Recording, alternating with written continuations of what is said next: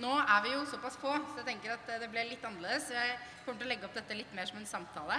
Eh, for jeg vet at det er mange som er interessert i dette temaet. Også meg og Abelia, hvor jeg jobber, eh, som er en forening i NHO. Og den bestillingen jeg har fått av eh, studentparlamentet her på UiO, er ganske bred. Fordi overskriften er jo 'Trenger vi høyere utdanning?' Det er i for så vidt seg selv en ganske morsom debatt og en ganske bred debatt med veldig mange innfallsvinkler. Men så sitter vi nå på dette huset her, eller på denne plassen her. Det er midt på Blindern sitt eh, campus. Og de er interessert i også å diskutere hvor UiO skal i fremtiden. Så jeg skal prøve å forsøke å liksom knytte dette sammen eh, i en eller annen form for grad. Så får dere tilgi meg hvis ikke det er helt rød tråd. Eh, og når jeg mener det er samtale, så tenker jeg her har du også lov å hoppe inn. For vi kommer til å hoppe litt frem og tilbake i temaet.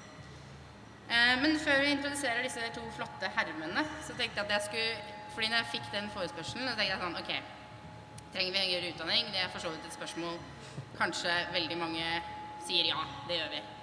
Men så tenker jeg som student så har jeg også stilt mye spørsmål i løpet av studietiden min. Jeg har stilt, det spørsmålet hva skal jeg bli når jeg blir stor? Det har sikkert veldig mange spurt seg om. Og der sier liksom UiO at du kan bli alt du vil. ikke sant? På UiO har vi plass til alle. Mangfold er herlig. Og så sier næringslivet og arbeidslivet vi trenger helsearbeidere og vi trenger teknologer. Så bli det. Det er svaret fra de. Og så har jeg spurt meg selv er jeg relevant. Er utdanningen jeg tar, relevant? Kanskje etter et år på utdanning så tenkte jeg er det relevant det jeg gjør nå? Jeg studerte da på SV-fakultetet eh, i Bergen. Og medisinsk fakultet, faktisk, her i, i Oslo. Eh, og hva gjaldt SV, så sa SV-fakultetet at ja, det er kjemperelevant. Du kan bli igjen hva du vil. Eh, masse muligheter. Supert eh, studiemiljø. Kjempebra. NHO sier trenger vi humaniora? Nei, det gjør vi ikke. Så her er det også på en måte en, en, en diskrepans da, i hva man egentlig diskuterer. Og Så spurte jeg meg selv etter to-tre år trenger jeg en master. da? Igjen så sa jo UB ja, det trenger du, for det må alle ha. Og det er viktig for å komme ut i arbeidslivet og få relevant kompetanse og kritisk refleksjonsevne, tenkemåte, alt mulig rart. Arbeidslivet, hva sier de? Ja, sier vel de. NHO har vært ute og sagt nei, vi trenger ikke flere mastere. Og til slutt, så når jeg begynte å nærme meg slutten, så spurte jeg hvordan er det å jobbe i arbeidslivet? Hva er, arbeidslivet? Hvordan er det å jobbe der? Uh, eh, UiB og UiO forberedte meg ikke i det hele tatt. Det eneste de sa, var lykke til når jeg begynte å søke. Mens arbeidslivet sa her er det selvfølgelig konge, og du er selvfølgelig den vi vil ha. Det gjorde de jo ikke. Det skjønte alle. Så mange av disse temaene, disse spørsmålene tenkte jeg at vi skal få lov å utfordre disse gutta på i dag. Men uh, før, uh, før, de får ordet, så tenkte jeg jeg skulle presentere dem. Og så fins det mange liksom, ulike innfallsvinkler til å presentere to debattanter. Jeg tok jo den som er mest i tiden, selvfølgelig, der jeg er hver dag, og det er Twitter. Så Andreas Halse, som sitter her, er da tidligere SU-leder. Og på Twitter-profilen hans så står det som, eh, som innledning om hvem han er. Mer industri, flere boliger og et anstendig arbeidsliv. Vi skal ikke diskutere verken boliger, kanskje litt industri og for så vidt ikke arbeidsliv, for det tror jeg ikke heller dere er enig men velkommen skal du være til debatten.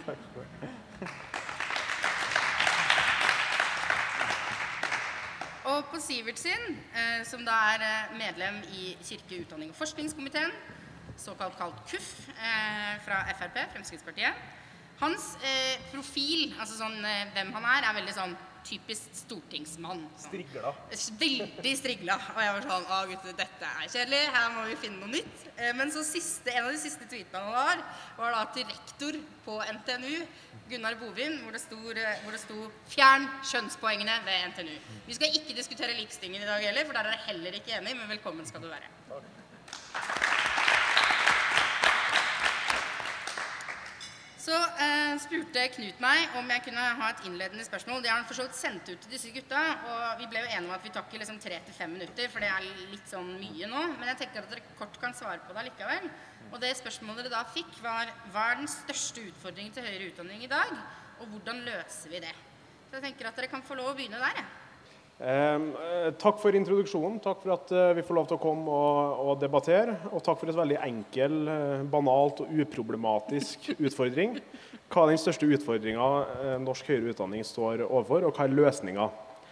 Ehm, jeg tror vi er nødt til å se her i et litt større perspektiv. Ehm, og det, norsk høyere utdanning står overfor ganske store utfordringer, opptil flere. Men hvis jeg skal velge én, så tror jeg at det største problemet er det store frafallet eh, på, på, på universiteter og høyskoler. Og jeg tror at frafallet har noe å gjøre med de store problemene eller de utfordringene vi har. Og Da har jeg lyst til å ta, trekke fram to spesielt. Det første er eh, struktur i høyere utdanning. I Norge så har vi en ganske fragmentert struktur med veldig mange små fagmiljøer. Det kommer en strukturdebatt til Stortinget nå neste, neste vår. Et eksempel er at det, det, tilbys økonomi og administrasjon, som da er tilfeldigvis er mitt fag, på 38 forskjellige utdanningsinstitusjoner. Jeg tror ikke det er tror Norge er vel og god på økonomi, men jeg tror ikke vi har 38 gode fagmiljø på økonomi. Og så tror jeg at litt av utfordringene når vi skal begynne å diskutere struktur, er det litt det samme som kommunesammenslåinger også, som vi er oppe i nå. Og Det er det her NIMBY-prinsippet. 'Not in my backyard'. Alle er enige i prinsippet om at vi trenger mer spissing av institusjonene. Vi trenger først og fremst færre, i hvert fall høyskoler. Eh, og vi må si stopp med, med universiteter. Eh, men alle sammen er for det, men bare det ikke, de, eh, bare det ikke rammer deres egen høyskole eller sitt eget universitet. Det andre det er finansiering. Der er det satt ned et ekspertutvalg på, på finansiering nå.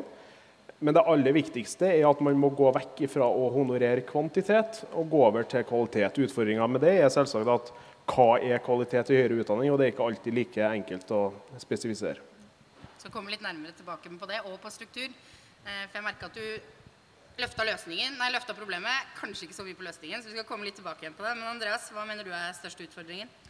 Jo, eh, først må jeg bare si det da, at en av fordelene med liksom ikke å ha en sånn offisiell rolle i politikken lenger, er at jeg kan si til Knut sånn at jeg kan godt komme, forutsatt at ikke noe, at ikke noe politisk parti blir belasta for eh, det jeg eventuelt måtte lire av meg. Eh, men jeg, jeg, vil bare starte med å si det at eh, jeg tror at det som er de største utfordringene for høyere utdanning, er i veldig stor grad det samme som er de største utfordringene for samfunnet. Fordi Når høyere utdanning funker optimalt, så er det som en del av og for å løse de store samfunnsproblemene vi står overfor. Og da mener jeg at Det er to ting som man må klare å finne svar på. Det ene er hvordan kan vi sørge for og samarbeide med nærings- og arbeidslivet og sørge for at Norge er en industrinasjon som klarer å produsere varer også i framtida. Det er ganske bred enighet at uansett hva man mener om utvinningstempo i, olje, eh, i oljepolitikken, så skjønner alle at vi må ha flere bein å stå på. Hvordan skal vi komme fram, fram dit? Jeg tror at høyere utdanning kan være en eh, sentral del av løsningen der, hvis man klarer å samarbeide med de relevante fagmiljøene, hvis man er villig til å samarbeide med industrien, og ikke minst hvis man anerkjenner at veldig mye god forskning også skjer ute i næringslivet. Gjerne i samarbeid med institusjoner som NTNU, men veldig mange gode løsninger i Norge kommer fordi at du har gründere som har starta en, eh, en, eh, bedrift, gjerne i distriktet, og kommer opp med løsninger fordi at det bedrer industribedriften sin lønnsomhet. Og det må, vi, det må vi også skjønne, det må vi ha respekt for. Og skjønne at veldig mange gode løsninger kommer i, eh, liksom i sammenblandinga mellom politisk vilje, høyere utdanning og dyktigere fagarbeidere. Så er det det andre vi må løse. Det er hvordan skal vi ha en velferdsstat i fremtiden som både har nok folk og som har teknologi til å løse de utfordringene vi står overfor. Jeg tror at vi kommer heller ikke rundt at vi trenger ny teknologi hvis eh, velferdsstaten også skal gå rundt i, eh, i fremtiden. Og så skal jeg kaste en litt sånn brannfakkel her på slutten når det snakkes om frafall. Og jeg er en av de som, jeg syns ikke nødvendigvis frafall i seg selv er et så stort problem. På noen linjer så skulle jeg nesten ønske at det var større frafall at hvis du skal studere til f.eks. Eh, medisin og bli lege, så er mitt eh, inntrykk jeg mener også har sett en del tall på det, at hvis du først kommer inn, så er det nesten helt sikkert at du kommer ut som lege på den andre siden. Det merker jeg, det, det blir jeg litt bekymra for. Jeg tror at vi skal, jeg vil ha et utdanningssystem hvor flere enn i dag får muligheten til å prøve seg. Hvor vi f.eks. på prestisjeutdanningene kan ha mer opptaksprøver, mer vekting av relevante karakterer, flere intervjuer. Sånn at det ikke bare blir eh, de folka som har vært aller mest skoleflinke. Jeg tror også andre, eh, andre ting som teller. Eh, og hvor vi tør også å la folk feile. Det er ikke noe krise hvis man ikke klarer eh, å komme seg videre fra første eller andre eh, året på en prestisjeutdanning og dropper ut derfra. Hvis, man, hvis, det betyr at vi stiller krav. Eh, studenter må også finne seg å bli stilt strenge krav til. Eh, og jeg tror eh, at det kan være eh, det kan være en bra ting ja, på mange, mange, utdanninger at det er et høyt frafall hvis de som eh, f.eks. ikke har valgt det de er mest motivert for, finner ut at de, det her kanskje ikke var noe for de allikevel.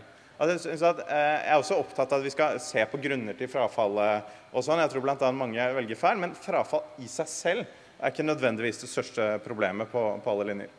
Men da snakker du om frafall. Jeg må bare oppklare dette, for dette synes jeg egentlig er interessant. jeg må utfordre deg litt på det. For da snakker du egentlig ikke om frafall, da snakker du om bytting av studier. Og i utgangspunktet så er jo eh, den problematikken som du nå på en måte tar opp, handler jo egentlig om inngangspunktet. i utgangs, altså Hva du egentlig kommer inn med. altså Opptaksprøver, intervju, den biten der. Mm. Istedenfor på en måte når du først har kommet inn, da. Mm. Eh, men, forstår jeg deg riktig da?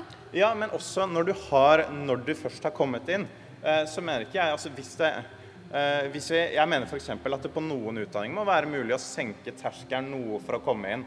Eh, F.eks. på, på legeutdanninga så tror jeg at kunne vært, vi kunne vært tjent med å slippe inn noen som ikke har seks eller sju, sånn som det er nå, i absolutt alle fag. Samtidig kunne vi tatt brodden litt av den private karakterinflasjonsindustrien som brer om seg. Snart må de ha ni i snitt for å kunne helt tatt begynne på å bli lege. At man kunne senka den terskelen noe på noen studier, og heller, eh, heller akseptert at noen folk enten skifta studie eller falt fra etter hvert. Og så tror jeg heller ikke det i seg selv er krise hvis man har begynt på noe med høyere utdanning, og så ender man opp i jobb eksempel, et annet sted, eller eh, med en utdanning som ikke er høyere utdanning. Det mener jeg heller ikke er krise i seg selv. Det som er krise, er jo hvis man begynner på enten å ta et fagbrev eller høyere utdanning, og så ender på Nav og som arbeidsledig. Det er problemet, ikke, ikke at man faller fra.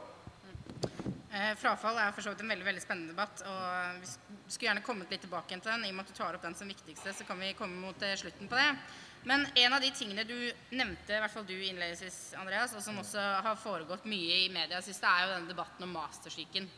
Eh, og den går jo også litt på dette her, altså dimensjonering. Hvem skal ha tilgang? Hvem skal, hvem skal ta høyere utdanning? Skal vi alle gjøre det? Er det, er det, er det sånn vi vil eh, ha det. Jeg eh, jobber jo da i Abelia og er den delen av eh, NHO som ikke nødvendigvis flagger så høyt at vi mener at vi har en mastersykdom. Eh, vi har sagt at eh, mastersykdom i så fall handler om mangelsykdom. Mm. Nettopp at eh, vi må ha flere med kunnskap. og det, sies, eller det er fakta at flere og flere tar høyere utdanning. Er det et problem? Altså, er det et problem, og i så fall, hva er det største problemet med det? Jeg lyst til å spørre om. Ja, altså jeg mener ikke at det er et problem i seg selv. og så synes jeg også NHO har en litt sånn merkelig rolle i den debatten. Fordi Selv om jeg ikke er avvisende til problemstillinga, har jeg prøvd å spørre representanter fra NHO en del ganger ok, hvor mange stillinger har dere utlyst, eller hvor mange personer har dere ansatt i deres egen organisasjon de siste årene uten mastergrad. Hvordan er den fordelinga i NHOs egne medlemsbedrifter? Ganske dårlig ut ifra deres egen problembeskrivelse. Eh, så det er noe med liv og lære her hvor jeg syns at NHO spiller en veldig merkelig rolle. Når det er sagt, så tror ikke jeg det er et problem i seg selv at for mange tar høyere utdanning.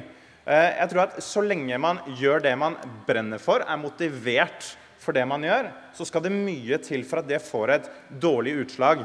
Det eh, jeg tror er problemet nå, er at det er en så kraftig forventning om at man må ta høyere utdanning for å lykkes, at, vel, at høyere utdanning og gjerne universitetsgrad blir utgangspunktet. At alt annet enn høyere utdanning er liksom avvikende fra den sikre veien til suksess. Skal jeg ta et eksempel på det? Jeg snakka med en jeg jobber sammen med, som har en sønn som nå har blitt elektriker. Han hadde eh, gleda seg veldig til fagbrevet, var kjempestolt. Det er også en linje som er ganske vanskelig å komme inn på. De har gått over fire i snitt. Så hadde han stått sammen med et arbeidslag i en grøft og eh, ordna på høyspentledninger. Det er, sånn, det er sånn arbeid som du dør av hvis du gjør det feil. Så det er, jeg er veldig glad for at de folka har god kompetanse. Og så hadde det kjørt ei dame forbi i en luksusbil som ruller ned vinduet. Og så sier hun vet du hva gutta, hvis dere hadde stått på litt mer på skolen, så hadde dere sluppet det her dritten her. Eh, og den, den, type holdninger Jeg tror ikke at det eh, oppstår i et vakuum. Jeg tror at veldig mange føler på et press om at hvis man ikke begynner på høyere utdanning, helst universitet, så er det ingen vei til å lykkes. Og det er problemet. Tror jeg, Hvis veldig mange folk ender opp på høyere utdanningsinstitusjoner uten å egentlig være motivert for det, at man begynner på statsvitenskap eller litteraturvitenskap eller hva det skulle være, uten å ville gjøre det, men gjør det fordi man ikke kommer på noe annet å gjøre. Jeg har veldig mange personlige venner hvor jeg vet at det har vært en veldig konkret utfordring. Og det tror jeg også er med på å trekke ned kvaliteten på hele akademia. At de får mindre seriøst eh, miljø, og de får Eh, mindre innsatsvillige studenter hvis man ikke er motivert for det. Så jeg tror at det, er en av de viktigste holdningene å angripe. Og så, eh, også, eh, Men hvordan gjør vi det? Fordi det er sånn der, Dette er jo en kjent beskrivelse. Og det har jo vært litt av budskapet også til Belia, er liksom mastere og mestere. ikke sant? Vi skal ha begge deler. At det, kan, at det, ene ikke kan slå i hjel det andre. Og jeg er helt enig med deg om NHO. at jeg synes det er litt sånn rar eh, beskrivelse og liv og lære. Det er jeg for så vidt også enig i. Men, men problemet her ligger jo ikke i i at høyere utdanning i utgangspunktet kanskje er attraktivt. Det er vel kanskje at fagutdanningen er for lite attraktiv. Og da er spørsmålet hva gjør man med det? da? Har dere noe konkrete? Fordi ett et poeng som har kommet opp, som er kanskje litt, sånn, litt på siden av debatten, men også veldig relevant for høyere utdanning, er jo nettopp studiepoeng for fagutdanning. Og der vet jeg at dere er uenig, eh, så jeg vil gjerne ha litt sånn hvorfor, hvorfor ikke. Ja. Eh, altså, jeg tror man i hvert fall må anerkjenne at det er også en viss interessekamp der. Eh, og det er så enkelt som at når det får høyere status eh, å være fagarbeider, så blir det dyrere for folk som har universitetsgrad, å få, øh, å få mekka bilen sin, å få malt huset og gjøre helt grunnleggende ting. Det blir dyrere. Eh, og så handler det her om Eh, om mange ting. Det, handler, det begynner helt i ungdomsskolen tror jeg, med rådgivningstjenesten, hvor folk sier nettopp det. Jeg husker når vi i SU hadde en sånn kampanje vi kalte 'Respekt for yrkesfag', så ble vi fortalt at det, det, er ikke noe vits å snakke til folk som går på yrkesfag om politikk, fordi de flinke folka de går studiespesialiserende. At det er holdninger vi har helt ned i skolen, som folk også får, får hjemme. Og så tror jeg det handler, og vi kommer oss ikke rundt hvordan arbeidslivet er organisert heller. Er det dårlig betalt å jobbe som helsefagarbeider, så, eh, så velger færre å gjøre det. Er det sånn at du hører venninnene dine klage og grine når de kommer hjem fra jobb fordi det har vært, eh, vært så tøft, så velger færre den retninga. Så jeg tror de eh, tingene her henger sammen. Så det handler om mer lønn og bedre anerkjennelse allerede tidlig, da. Men, men, ja. men, ok, det er gode. Men Stivert, da, du er imot studiepoeng, ikke sant? For, ja, ja, det er Men jeg har lyst til å gå litt tilbake til basic, altså til mm. starten her. Jeg også. Eh, for det som er veldig skummelt, er hvis, hvis ordet kunnskap utelukkende blir knytta til høyere utdanning. Det er ikke sånn at høyere utdanning har enerett på ordet kunnskap.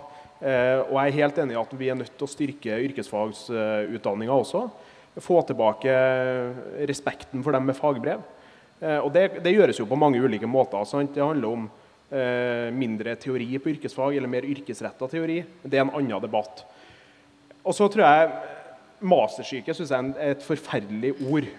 fordi de som studerer til master, er verken fysisk eller psykisk syk. Ofte, i hvert fall. men det handler, det handler om, jeg tror det handler mer om ikke bare altså generelt hvor mange som studerer master, til master, men det handler også om hva man studerer. Eh, og Der er det jo snakk om den dimensjoneringa du var så, så vidt innpå på starten. og Det tror jeg kanskje er det aller viktigste. At det er nå engang sånn at samfunnet har behov for visse eh, personer med en viss utdanning. Og Da tror jeg kanskje at man er nødt til å si etter hvert at nå er det nok folk som har master i musikkpsykologi, nok folk som har master i medievitenskap, Avisene, mediebransjen, de kutter jo, de øker jo ikke. Øker ikke antall ansatte. Så jeg tror det handler om dimensjonering også. At man får et, et veldimensjonert utdanningstilbud er viktigere enn hvor mange, at det er 100 000 flere som tar høyere utdanning i dag kontra for 20 år siden. Det er jo i utgangspunktet bare positivt. Spørsmålet er hva man bruker det til. Vi skal plukke opp dem, men fagskolene, Er du enig i, altså i de konklusjonene Andreas trakk opp om bedre anerkjennelse, bedre lønn, studiepoeng? altså Hvordan ligger man an på fagskolene? For det er jo det problemet også ligger på. da, Hvordan løfte mesterne? Ja, altså Fagskolene er jo viktig. Problemet er jo at ingen som vet om fagskolene.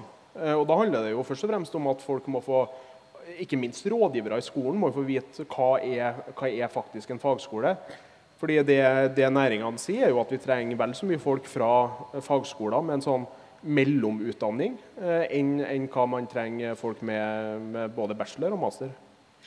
Ja, det, dette, Denne debatten burde man jo også tatt eh, for flere i NHO-fellesskapet. Men, Men også, også, er vi jo enige om en annen ting også, og det er jo uh, at eh, når man har studert yrkesfag at man skal få lov til å hoppe rett over på universitetet. Det er jo en annen ting eh, som vil gjøre at eh, Ja, og der er studiepoengdebatten, ikke Ja. sant? Ja. mm.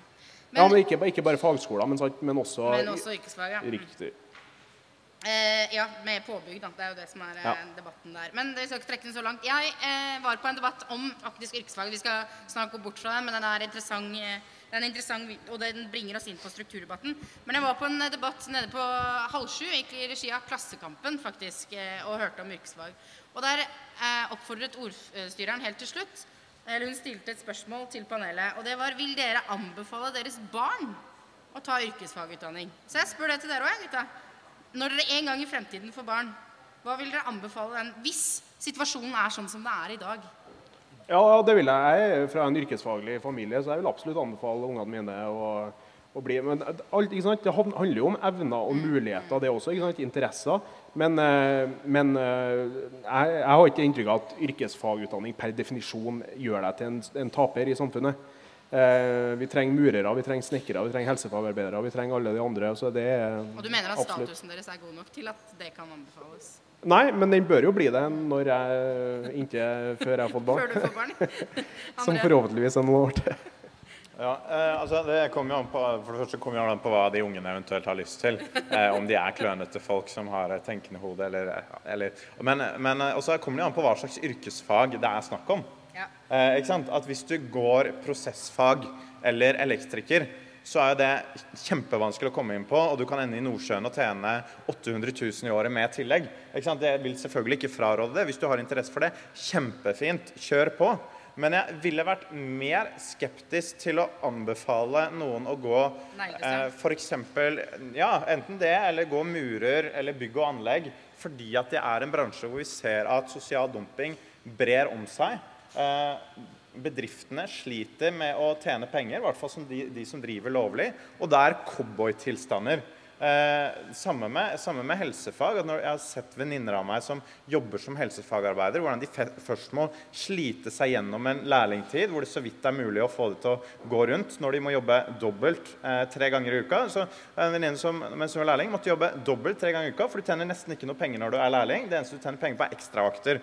Så måtte hun ha tre ekstravakter i uka, altså 16 timer tre ganger i uka, for å klare å få det til å gå rundt med å betale husleie osv. Og, så og så når hun var ferdig utdanna som lærling, hva sier kommunen da oppe i Nord-Norge? De sier at eh, sier de velkommen, 'velkommen til oss, vær så god, her er full jobb'. Nei, da sier de 'her har du 25% jobb'. Eh, Så hvis vi det er snakke litt om arbeidsliv også. ja, det klarte jeg å lure inn. Så men det Men hvis, hvis det er sånn det skal være, så er det jo vanskelig å anbefale folk at det er et fornuftig valg hvor de sikrer din økonomiske framtid. Så svaret på spørsmålet er at det kommer an på hvilket yrkesfag det er snakk om. Dere er i hvert fall mer oppløftende enn de der nede på den debatten. Der var det veldig få som ville anbefalt faktisk eh, per status i dag. Men eh, dere går jo inn på, altså Du strekker opp arbeidsliv, eh, Andreas. Og det er jo også litt av den debatten struktur eh, i høyere utdanning handler om. Eh, og den eh, rapporten som er kommet nå fra UiO, jeg husker ikke navnet på den. Men, eller ja, det, hvem som egentlig har eh, sagt den, men jeg husker navnet veldig godt. Fordi det handler om hvordan UiO skal bygge stigen mot stjernene. Ganske klein tittel, men det er greit. Eh, Og det er veldig mange interessante og standpunkt og forslag i debatten. Vi skal komme inn på noen av de. Og kanskje den som er mest debattert, også i høyere utdanning, er nettopp skolepenger. Eh, og her eh, trenger jeg litt sånn kjapp klarering, fordi at jeg ikke helt har fulgt med sånn veldig nøye. Er man for eller mot skolepenger for internasjonale studenter? Kort. Mot. Mot? Du også mot. Begge to er mot. Det er greit. Jeg har forberedt nemlig kritiske spørsmål hvis begge to er mot, og en til hver hvis begge to er for. Fordi en av poengene er um, at UiO sier i denne rapporten, eller de som har sett på UiO, sier at uh, det skolepenger bl.a. kan medføre, da, er frie, disponible midler til å gjøre prioriteringer internt. At uh, skolepenger kan gi UiO et større handlingsrom til å prioritere internt, enten hva gjelder studiekvalitet eller forskningsinfrastruktur, altså ting de har lyst til å gjøre uten at det er farget fra verken Forskningsråd eller, eller Kunnskapsdepartement. Så da er litt spørsmålet mitt, hvis det er et utgangspunkt, og et viktig utgangspunkt for UiO, hvordan kan dere da som er imot, eh, sikre at de får disse frie midlene? Uansett. Men altså, det, du glemmer et viktig prinsipp her, da, eller eh, et, et premiss. Det er jo at I den rapporten her så står det jo ikke bare for utenlandske studenter, det for, for, står jo for alle studenter. for. Men nå tar vi internasjonale først. Ja, ja, men jeg er imot begge, så det, det går for det samme. Eh, nei, Det handler jo om at man må skaffe penger på andre måter. Sant? og Det sier man jo også i den rapporten. her, eksempel, med det her med venture. og, og et, Tradisjonen i Norge er jo altfor dårlig at akademia samhandler med, med næringslivet, med arbeidslivet. ikke sant? I, I hvilket som helst annet land, bare dra til Sverige, så er jo den, den samhandlinga mellom akademia og næringsliv mye større. Og Det er man nødt til å få en, det handler rett og slett om tradisjon. Uh, og det må vi få en bedre tradisjon på i Norge for at, at den andelen går opp. Men for å utfordre deg litt på det, da, så tenker jeg at det er heller ikke ukontroversielt. For hvis man uh, får midler fra næringslivet, så kan de også legge en debatt på om de blir føringer, om de blir farga, da. Ja, men det, det kan man jo gjøre med offentlige midler, og det er jo ikke noen tvil om at de også blir farga. Nei, men de pengene man da selv tar inn på institusjonen, vil jo ikke være det. Mhm. Altså Hvis man får penger fra studentene, så vil det ikke være det. Nei, men jeg mener fortsatt at, at ulempene er større enn fordelen. Og det går an å skaffe penger på andre måter, enten øke offentlige budsjetter, få penger eh, andre plasser fra private investorer, den type ting. Og det, begge de alternativene er bedre enn å skape et samfunn hvor eh, noen får lov til å gå på skole, og noen ikke. Men Andreas, du er kanskje ikke enig i at private investorer skal inn, men hva tenker du kan være løsningen? Altså, jeg syns det er kjempefint jeg, hvis universitetene samarbeider med eh, private bedrifter for å få bedre utdanning. Det betyr ikke at jeg mener at Statoil eh, eller Hydro eller noen andre skal gå inn og diktere hva man skal bruke forskningsmidler, hvordan utdanninga ser ut, men bedre samarbeid. F.eks. For fordi det innenfor en del retninger så er det en del utstyr og sånn som det ikke nødvendigvis er lurt at universitetet investerer i. Så det tror jeg er veldig lurt. Når det kommer til eh, det med skolepenger, så er det ikke noe vanskelig å se noen argumenter for det.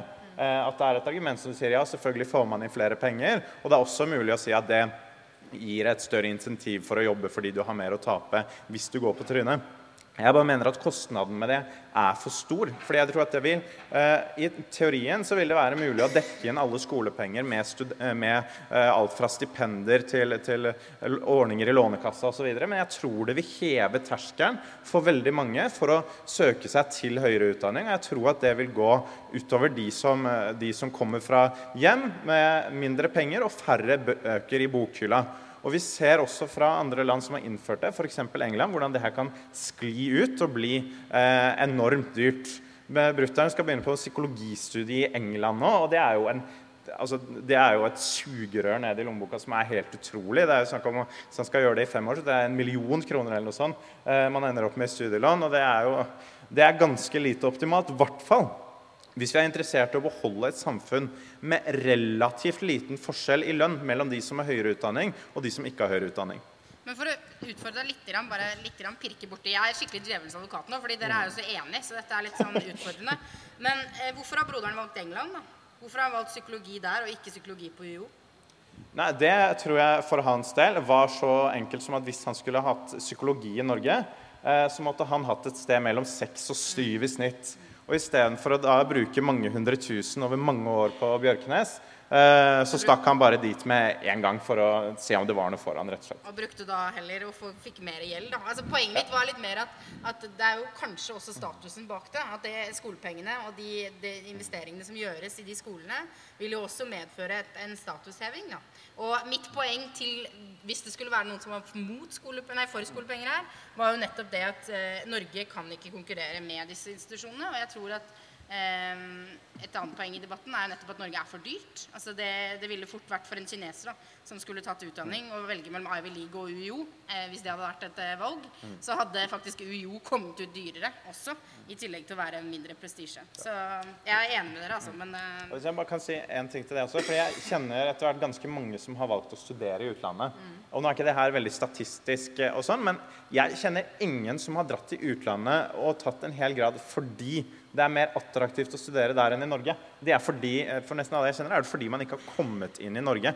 Folk som begynner på veterinær for eksempel, i Budapest, studerer der tre år, og så kommer tilbake til Norge når man får plass. Og På mange av de, både legeutdanningen og veterinærutdanningen i utlandet, så er det kamp om å få lov til å komme igjen i Norge blant norske studenter. Men det er også litt på de klassiske profesjonsutdanningene. Eh, Jeg har også bakgrunn fra studentpolitikken, men jeg har også jobbet i ANSA. Så jeg kan med trygghet si at det er en del studenter som velger å reise til utlandet fordi det er mer attraktive institusjoner. Særlig på disiplinfagene. Og da, da har man et eh, renomméproblem her i Norge, mener jeg. Et statusproblem.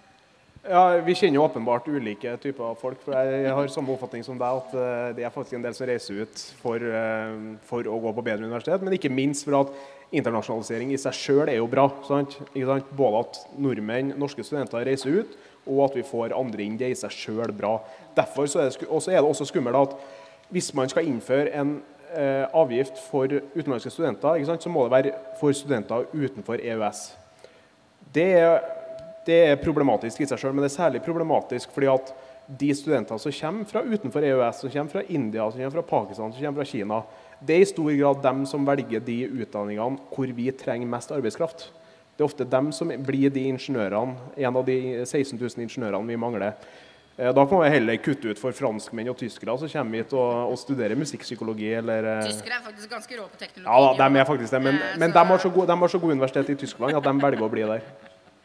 Ok, eh, Dere er eh, strålende enige om akkurat det spørsmålet, så jeg skal ikke gå veldig mye mer på det. Men eh, dette med skolepenger er jo på en måte et ledd i den eh, mandat og rolle som UiO da prøver å finne i den her eh, sikte seg mot stjernene. Eh, og det går veldig langt inn i den strukturdebatten, særlig på dette her med auto. Dette blir veldig sånn for menigheten, for de som, hvis det ikke er noen som skjønner, så får de rekke opp og heller supplere. Men en av de tingene vi jo er skeptisk til, er jo autonomi mot eh, politisk styring. Og dere har begge to vært inne på det, nemlig strukturdebatten. Vi har for mange universiteter, vi har for mange høyskoler. Eh, og jeg har ikke sagt at vi har for mange universiteter. Jeg har sagt at nå får det i hvert fall være nok. Nå får det være nok, ja, ok.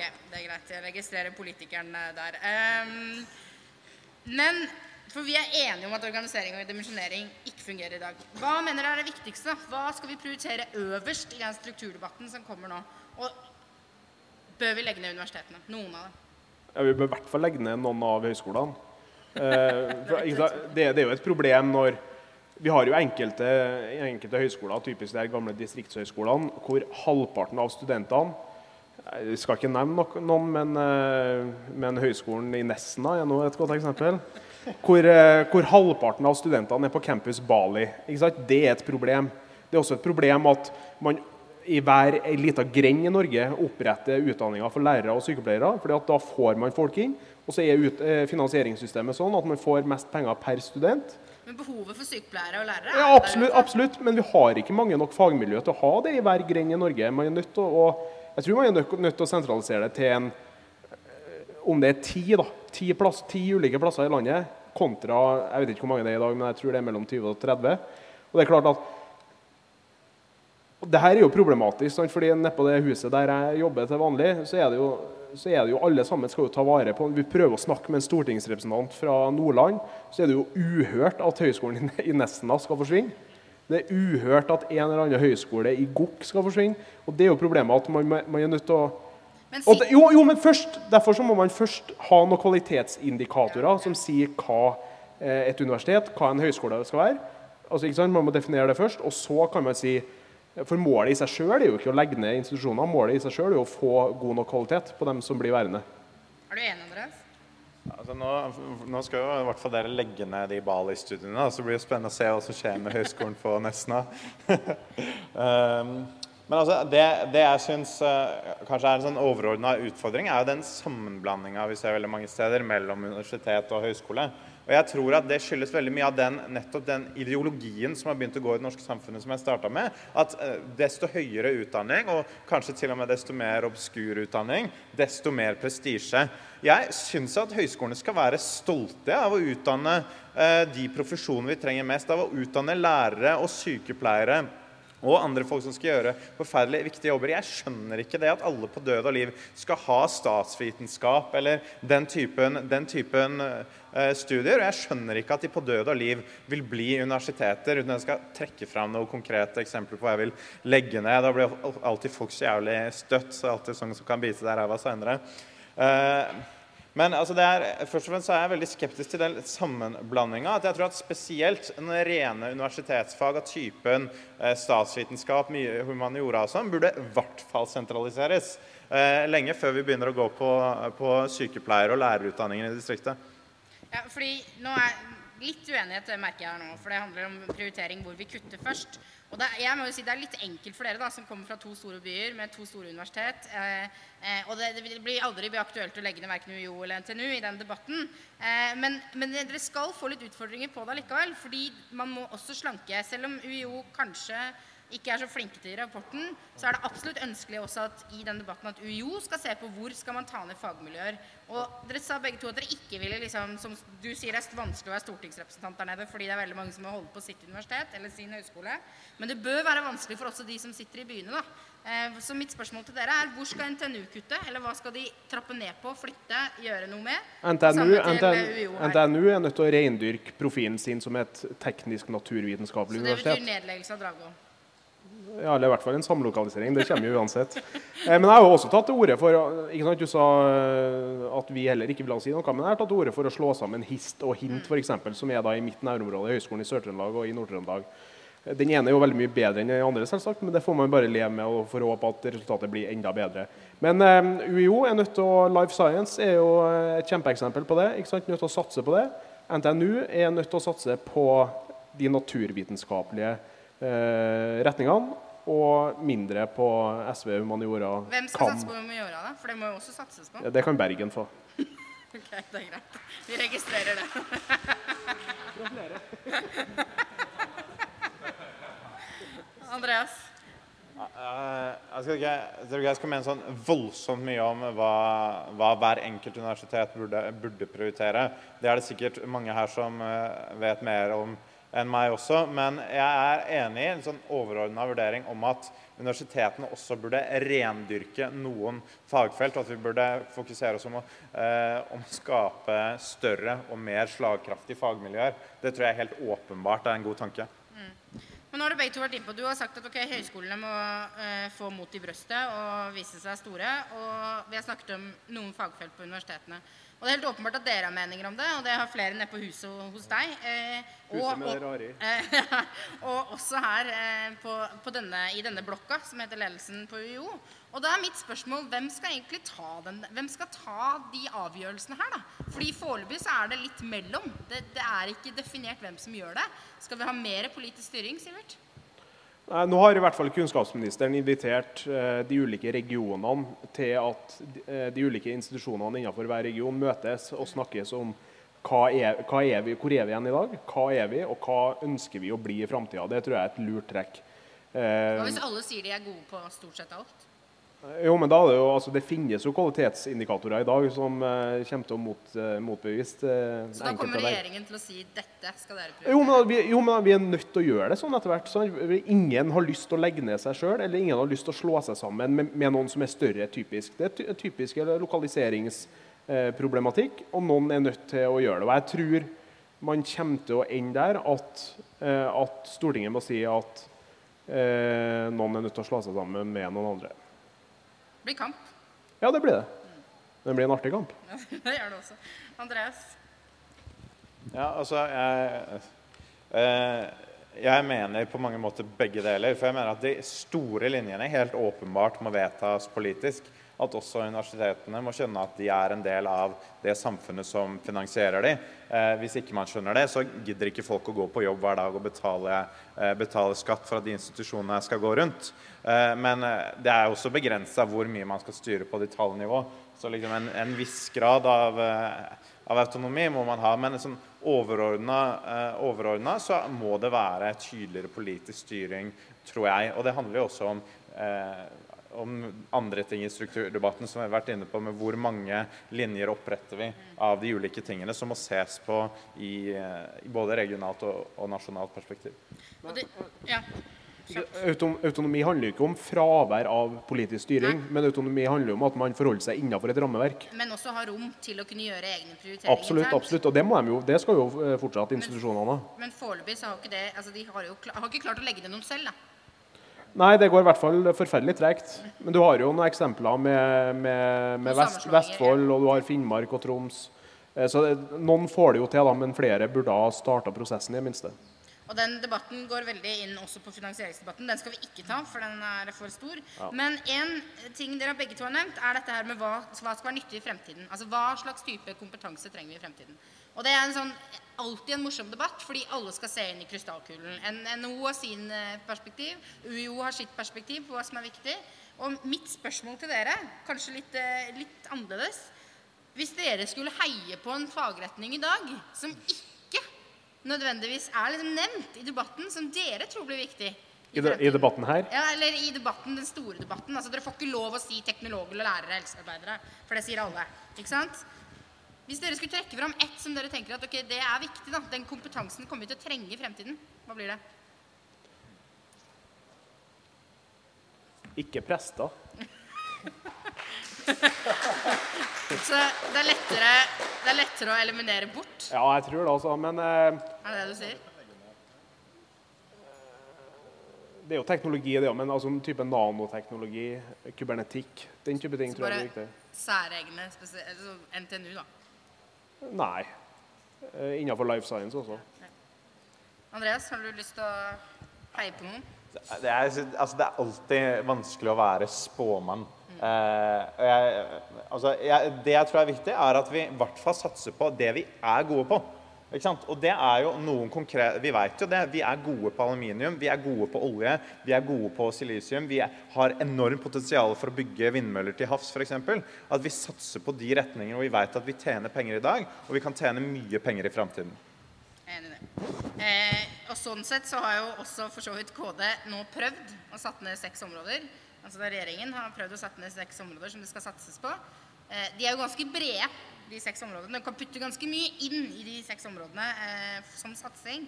Så jeg er jo litt sånn spent på hvor igjen skal man kutte i hva man skal prioritere for fremtiden. Nå har du sagt prest, så det, da har vi et standpunkt på det. Nei, nei, nei. Nei. Nei, men, jo, men jeg er helt enig med Andreas. Vi er nødt til å satse på det vi allerede er gode på. Ikke sant? IKT, finans, marin, maritimt, eh, energi og miljø. Og det var vel de seks områdene. Ja, det, Nå var det fem, jeg husker ikke det siste. Men, eh, men eh, jo, men det, er- det er jo store felt. Men eh, at det er skummelt å begynne å ta det veldig ned på detaljnivå også. Men da, da ser man at det kan settes opp mot det å spisse universitetet, eller universitetene og, og, kompetansen Jo, men alle universiteter kan ikke drive med alle de seks tingene.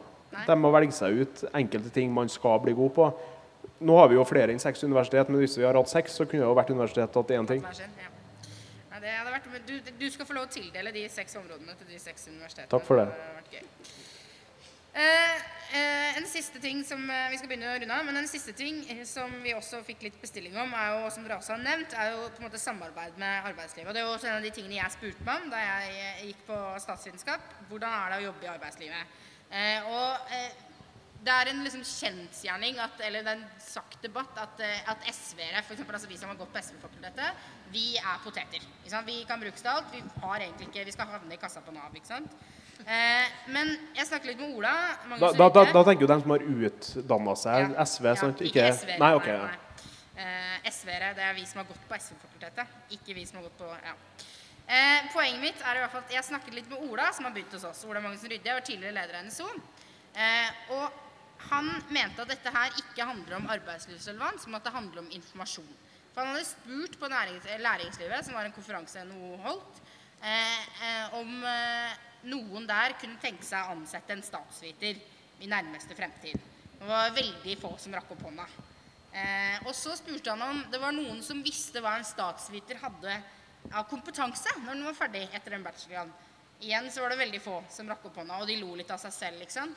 Og det er et poeng her, fordi informasjonen er for dårlig. Så da er min, mitt spørsmål til dere fordi det er veldig typisk å si liksom, vi må samarbeide mer med næringslivet. Ok, den er fin, men hvordan gjør vi det, da?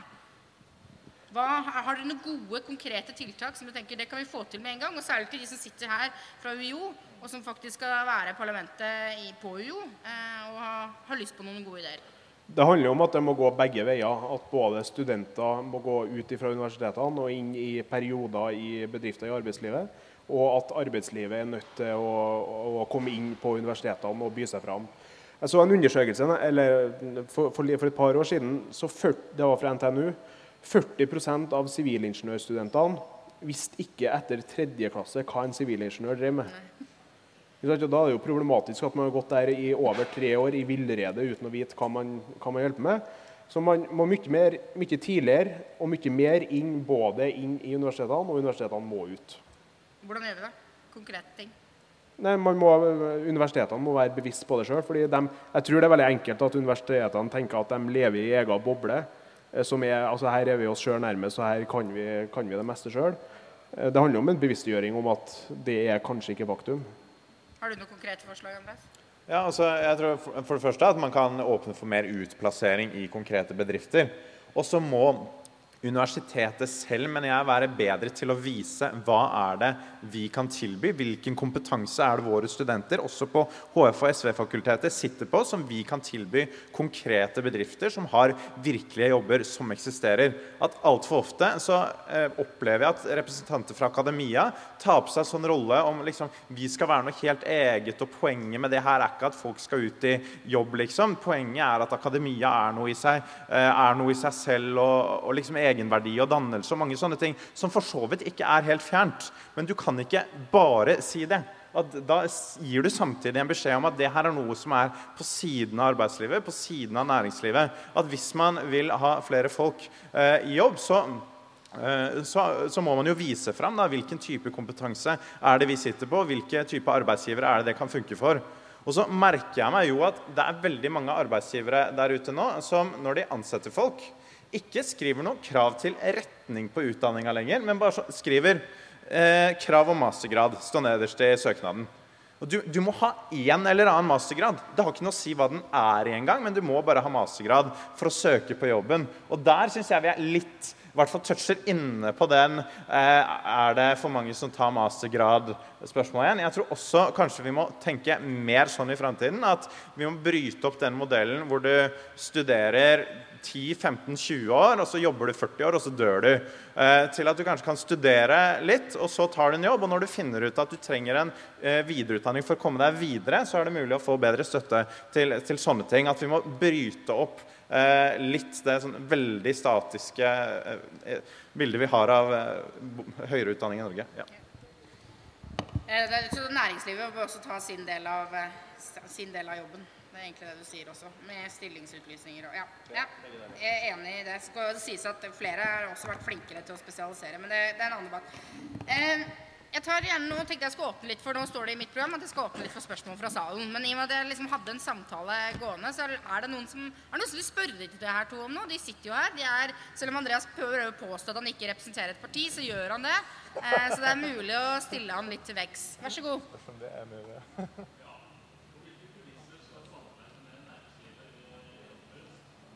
Ok, Jeg gjentar spørsmålet ditt, det er sånn at Radionova også hører det.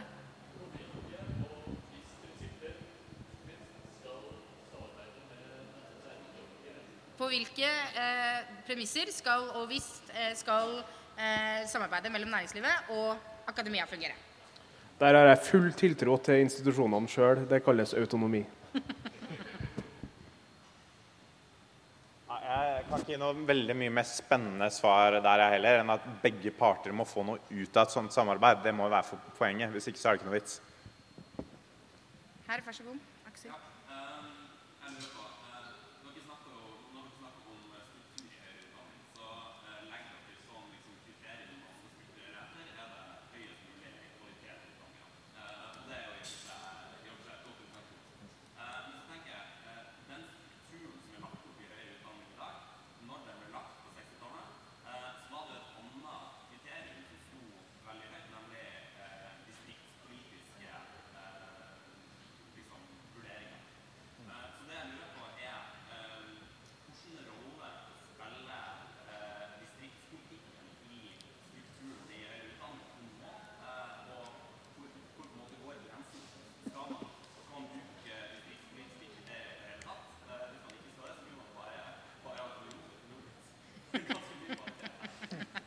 Jeg bare gjentar litt sånn at Nova også hører det. Men det man også lurer på, er distriktspolitiske hensyn, som var, en ganske stor føring for høyere utdanningsstrukturering eh, på 60-tallet. Hvordan eh, stiller det seg nå? Og det er et veldig interessant eh, interessant spørsmål, og egentlig en oppfølging litt fra meg også, som jeg kaster meg på. Det er nettopp hvor går grensen. Fordi selv om du, Sivert, sier at noen på tinget har problemer med å legge ned sin egen institusjon eh, hjemmefra, så, så er det jo en grunn til det også. Og det er jo at lokale ungdommer skal få lov å få tilbud lokalt. Så hvor strekker vi grensen, da? Jeg vil si to ting til det. For det første så er det en vesentlig ting som er veldig forandra nå fra 60-tallet. Og det er at det er veldig mye lettere å komme seg, komme seg rundt uh, omkring i det landet her. Det er lettere å komme seg til Oslo, til Bergen, det er lettere å komme seg rundt i sitt eget fylke. Uh, når det er sagt, så mener ikke jeg at man ikke skal se på det i det hele tatt. At det er en veldig stor fordel hvis du skal ha f.eks. en skole og et sykehjem i en bygd, som jeg er veldig for. Uh, at du ikke må ha for lang reisevei til et sted hvor du kan utdanne seg. Er til de tingene. Men så mener jeg også at de tingene her må ses i, eh, et, altså det må ses i sammenheng. At der man har også relevante næringsmiljøer, som f.eks. maritime klynger på, på, Vestlandet, så må du åpenbart ha høyere utdanningsinstitusjoner som spesialiserer seg på det samme i det samme geografiske området. Eh, at sånn, man, eh, sånn, er det helt åpenbart også lurt å tenke. at det, Har du en bedrift, så er det lurt å ha eh, forskningsmiljøer på det samme i relativ geografisk nærhet. Ja, jeg er nesten helt enig i alt det der. Og, det er jo en grunn til at, til at man har en høyskole f.eks. i Stord Haugesund. og Det er jo fordi at man er stor på de, på de maritime næringene. Eh, så tror jeg det handler, jeg tror distriktshensynene er mindre nå i dag enn hva det er på 60-tallet. Bl.a. fordi at det er enklere å komme seg rundt. Men det er jo en vanskelig debatt. Eh, fordi det handler jo om i hvilke nærmiljøer og hvilke lokalsamfunn folk skal bo og jobbe og studere i. Eh, men jeg mener fortsatt at, at hensynet til, til storsamfunnet, og da med tanke på kvalitet, er nødt til å gå foran uh, i hvert fall mange distriktshensyn. Marianne har en kjapp eh, oppfølging, tror jeg. Ja, et spørsmål. Kjør på.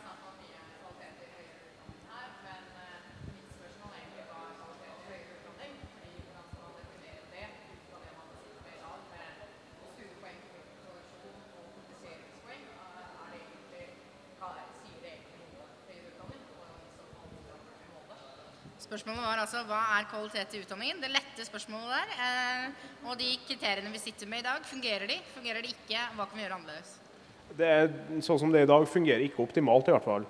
Jeg tror, men jeg tror publiseringspoeng er bedre enn studiepoeng, for der har man graderinger innafor også. Men hva, altså, det er jo sånn at det er veldig enkelt å, å se hva kvalitet er, men det er veldig vanskelig å definere det. Um, og Da handler det jo om at noen må sette seg ned og prøve å definere det, og så gi en oppgave til NOKUT for eksempel, eller andre og si at det her syns vi er kvalitet. og så må det, må det gjennomsyre uh, til institusjonene som, som, helhet. Hvem skal gjøre det? Politikerne?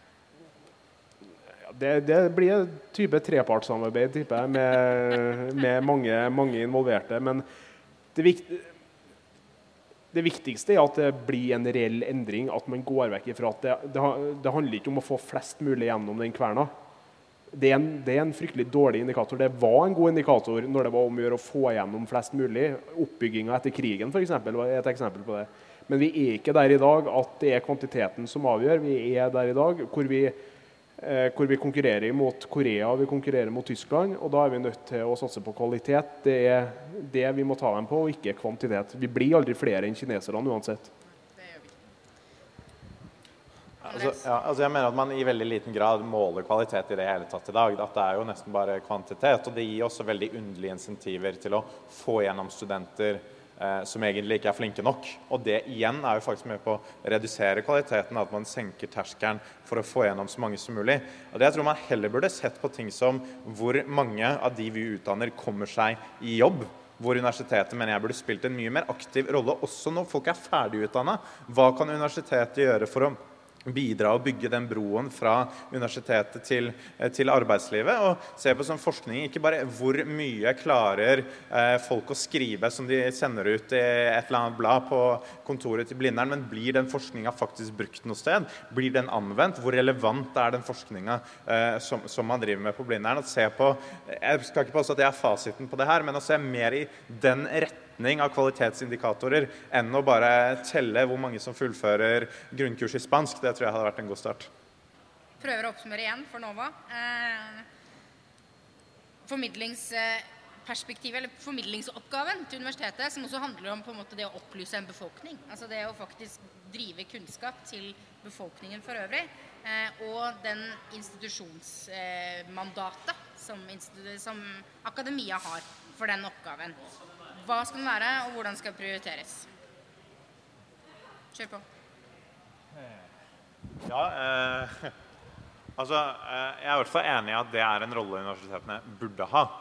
Eh, og så, med men i hvert fall en ting som er veldig åpenbart, er at jeg syns veldig mange, både når det kommer til studentorganisasjonene, men også eh, professorer og folk som er eksperter på sine fagfelt, ofte er veldig forsiktige med å videreformidle kunnskap, og spesielt politiske standpunkter som er basert på den kunnskapen eh, man har. Det mener jeg gir en fattigere debatt i Norge, og en eh, kanskje litt mindre kunnskapsrik debatt i Norge enn det man kunne hatt. Så det første skrittet, som er helt gratis, er jo at universitetet burde oppfordre sine, eh, sine folk til å være synlige i samfunnsdebatten og ta den plassen.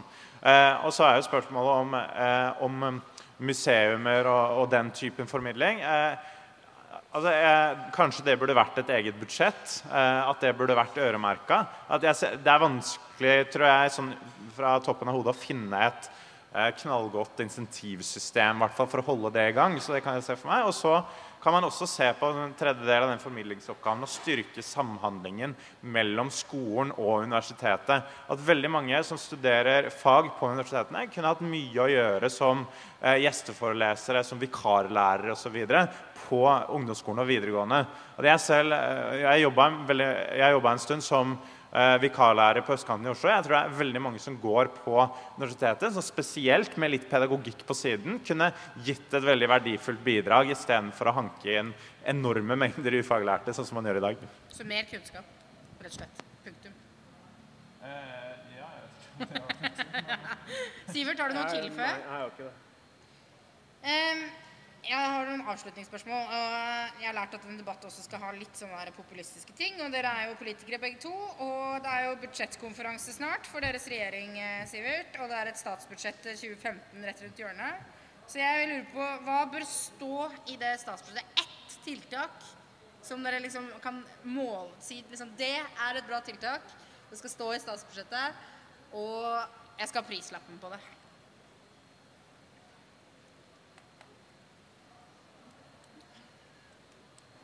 Altså, Tenker dere ikke på dette her når dere liksom går og legger dere om kvelden? Er ikke det, er ikke det standard sånn Dette skal jeg ha igjennom? Jo, men det er det, å velge, det, er det å velge én. Ja.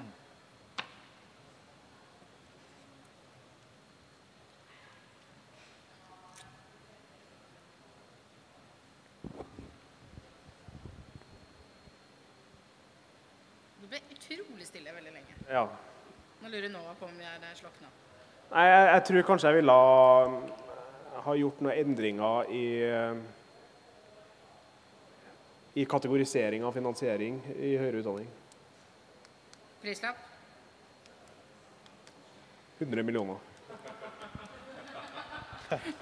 Ja, jeg skal, jeg, kan jeg komme med en ting de tjener penger på, en ting de taper penger på? Ja. Eh, fordi Det første er gratistips fra meg. Først må dere tjene penger. Det må dere gjøre gjennom å fjerne eh, skattefordelen i å investere i sekundærboliger. Eh, på den måten får dere inn mange penger. Lenge, lenge om den, altså. Nei da, men det, da får dere inn 10 milliarder ish. Da kan dere bruke de pengene på å bygge flere billigboliger til studenter. Da tar dere inn penger, og så bruker dere penger. Så da fikk du både arbeidsliv og skole, som jeg sa debattene ikke skulle handle om i dag. En siste, siste kort. Dere er begge to som halvstuderte røvere. Eh, bachelorgrad. ja, du har bachelorgrad, ikke mastergrad, eh, så du er ikke syk. Nei, poenget mitt er, hvis dere, hvis dere skulle valgt helt på nytt igjen, hvis dere var en del av de her nye som driver og valser rundt her nå, ville dere valgt det samme? For det er et av de siste spørsmålene jeg har lurt mye på etter at jeg har vært ferdig med høyere utdanning. Er, er man 28, eller er man 20? Man er 21 igjen. Ja, da er jeg Eller 19 da. Hadde du valgt noe annet enn det du har studert nå? Det, det, er det er vanskelig å si. Eh, altså Hvis jeg hadde vært 21, så hadde jeg sannsynligvis gjort eh, akkurat det samme. Eh, men eh, Så SV og halvstudert. men ja, altså jeg har en bachelorgrad eh, i kultur- og samfunnsfag som er fritt sammensatt. Så jeg føler meg som en akademisk tungvekter på mange måter. Eh, I hvert fall i forhold til mange andre som er i politikken. Eh, men nei, hvis jeg skulle valgt noe helt annet Vet du hva, jeg er faktisk ikke sikker. Jeg var ikke sikker da, jeg er ikke sikker nå. Det er, det er sånn man ender opp med fritt sammensatt bachelor. Prøve og feile. Prøv å feile. Sivert? Jeg tror nok at jeg ville ha valgt noe innenfor teknologi, ingeniørfag. Da tror jeg vi takker for debatten og fremmøtet for de som var her. Og til disse flotte debattene.